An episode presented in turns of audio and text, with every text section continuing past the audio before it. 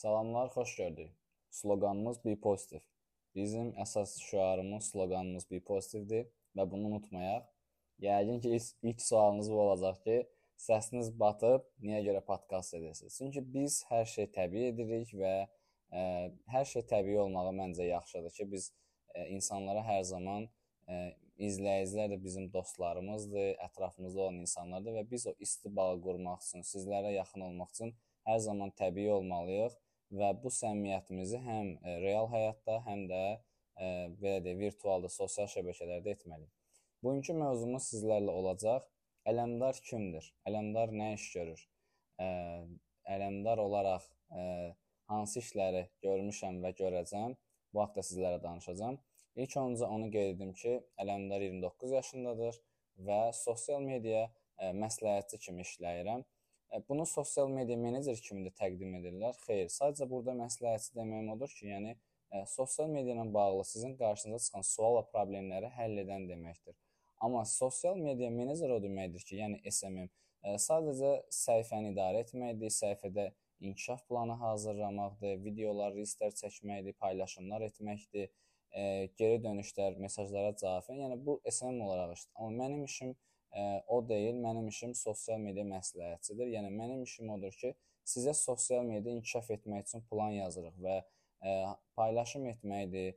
Ə, paylaşımlarda hansı suallardan, belə deyim, açıqlama hissələrindən istifadə etməlidir. Yəni bir növ sizin üçün sosial mediada necə inkişaf etmək lazımsa, biz onu sizə göstəririk. Ə, və əlbəttə ki, ə, bizdə SMM iş, ə, işləri də olur. Yəni ə, əməkdaşlıq etdiyimiz şəxslər SMM kimi işləyirlər dizaynerlər olur və belədir. Və onu qeyd edim ki, Ələmdar bakalavr, magistr təhsilimi Azərbaycan Texniki Universitetində proseslərin avtomatlaşdırılması mühəndisi üzrə bitirmişəm. Yəqin sual verə bilərsiniz ki, nəyə görə ixtisas üzrə çalışmırsınız, işləmirsiniz? Qeyd edim ki, bu bir növ mənim şəxsi fikrimdir ki, mənim düşüncəm tərəfindən avtomatika bir robot texnikada və alqoritmlər bir növ mənim ixtisasıma yaxın olduğu üçün bir növ mənə bu bizim el dilimizdə söz var, su içmək kimi gəlir. Yəni həqiqətən də mənə su içmək kimi gəlir. Çünki alqoritm bir növ başa düşürəm. Yəni hər hansı bir hadisələr baş verəndə, rəylər spama düşəndə və yaxud hesab spama düşəndə, video paylaşmaq olmayan, yəni artıq bunları bir növ başa düşürəm ki, bu problem necə baş verib, hansı hadisələrdən sonra baş verib, necə həll etmək olar. Yəni bu yollar artıq mənim üçün asan gəlir və mənim məqsədim 2 dənədir iki məqsədim var. İstəyirəm ki, ə, Azərbaycanda ə, sosial media haqqında məlumatları pulsuz bölüşüm. Hər kəs məni ə, belə tanısın ki, mən ə, məlumatları pulsuz bölüşürəm və ikinci məqsədim odur ki, ə, bu bir növ həyatımızdan da asılıdır ki, qarşımıza çıxan ə, belə deyək, problemlər deyim, həyat hadisələri deyim, mənə bir növ stimul verir ki, mən insanlara pozitiv aura ötürməliyəm. Bunu əlbəttə ki, sloqanımdan da göründüyü kimi, bir pozitiv sloqanından istifadə edirəm və həmçində geyimlərlə bunu öz göstərmiş oluram. Məsələn, köynəkləri, tişörtləri geyinərkən hər zaman rəngli geyinməyə çalışıram.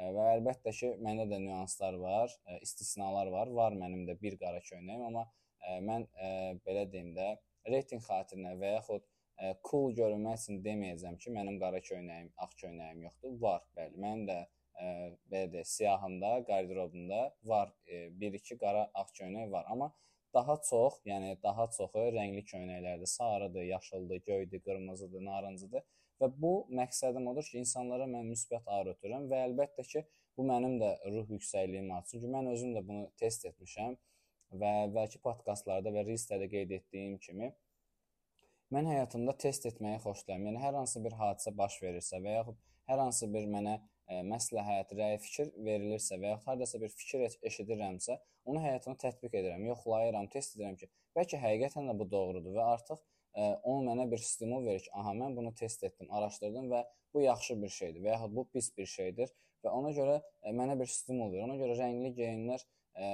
hər zaman ə, məsləhət deməyə düşünmə deyək. Orxan Şahbazın, Orxan bəyin dediyi kimi İnsanlara məsləhət yox, insanları sadəcə düşündürmək lazımdır. Yəni, okey, mən bəlkə bunu yanlış deyirəm, bunu test edə bilərsiniz. Yəni, siz də rəngli bir köynək geyinin, tişört geyinin və ə, həmən gün o köynəklə keçirdin və fikir verin ki, ə, digər gündə qara köynək geyinsəniz sizə hansı ə, belə deyim, ruh yüksəkliyi verəcək, işinizdə nə qədər iş qabiliyyətinizi artırmış olacaq, sizə motivasiya verəcək, belə deyək. Bir də var, məsəl üçün, rəngli köynək geyəndə hansı hadisələr baş verir? Çünki mən bunu test etmişəm və mən bunu artıq ona görə deyirəm ki, mən bunu ə, e, nəticəsini görmüşəm. Amma bu demək deyil ki, mən bunu test etmişəmsə, bu hamıda belə olacaq. Elə insanlar bəzən cəmiyyətdə deyirlər ki, bu da əlbəttə ki, travmalarla ola bilər ki, yəni qara rəngi sevmək, əslində qara rəng ə, e, sevmək düz gəlmir. Çünki bir növ qara rəngin o bəzən bizim el məsələmizdə var ki, yəni aurası çox ağırdır. Yəni həqiqətən də mən ə, qara rəngli geyimlər olanda bir növ özümü sıxılmış kimi hiss edirəm və özümü rahat hiss etmirəm. Bəzən onu insan özünü yükləyə bilər ki, mən qara rəng geyinsəm, yüklənə bilərəm, pis ola bilərəm. Amma mən sevmirəm. Yəni hər bir insanın şəxsi fikri var və biz əgər sağlam cəmiyyət, sağlam mühit istəyiriksə, hər bir şəxsin fikrinə belə deyim, fərdi yanaşmalıyıq ki, yəni bu bir fərddir və bunun öz şəxsi fikri var. O istər qara geyim geyinir, bu istər rəngli geyim. Çünki mən özüm də bəzən ə, rəngli geyimlər geyinməyə başlayanda bəzən ətrafda qara rəngli, sıxıcı rənglər, boz rənglər görəndə hər zaman deyirdim ki, ayda niyə geyinirsən bunu? Ürəyim sıxılmır. Artıq ə, qəbul etmişəm və bəzən ətrafımda olan yaxın insanlara bunu ə, düşündürmək üçün deyirəm ki, yəni test edə bilərsən. Yəni rəngli geyim bir gün geyin və bir gündə qara və yaxud ağ, boz rəngi geyin, test et. Gör hansında nə sənə necə stimul verəcək, məsələn, günün necə keçəcək, işində necə bunu tətbiq etmiş olasan. Yəni məqsədim budur ki, insanlar həm özüm, həm də ətrafımda olan insanlar məni görəndə gülsünlər, xoş aura yaransın. Yəni insanlar dərdlərini və problemlərini unutsunlar. Bir növ mən bu sözü hər zaman Arif Quliyevdən Allah ona rəhmət etsin.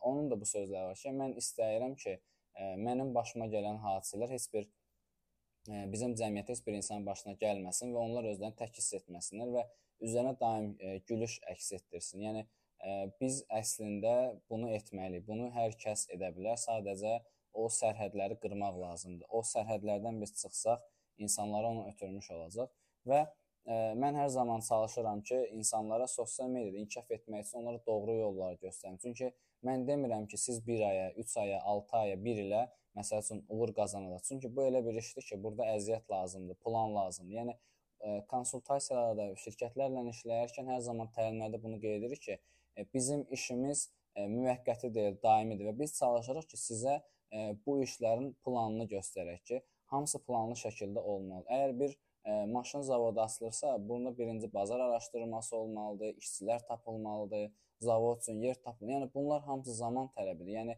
biz bu işə başlayırıq, tez bir biznes qurun, buradan pul qazanın, məqsəd o deyil. Məqsəd ə, bizim ə, məqsədimiz marka olaraq sosial mediada bir marka brendi yaratmaqdır. Yəni bunu zaten biz ə, əvvəlki reislərdə, təlimlərdə bunu qeyd edirik ki, ə, biz insanlara zərərli içkilərdir, qidalardır və yaxud insanların zərər verə biləcək hər hansı bir əşyalardan, qidalardan uzaq saxlar. Yəni biz bunların paylaşımını etmirik və reklamları da qəbul etmirik. Bu artıq bizim bir növ markamız, yəni bizim bir sərhədimiz var. Biz qeyd edirik ki, bax bu paylaşımları biz etməyəcəyik. Ona görə Ələmdar bax bu şəxsdir ki, sizlərə sosial mediada inkişaf etməkdə doğru və düzgün yollar ilə kömək edir.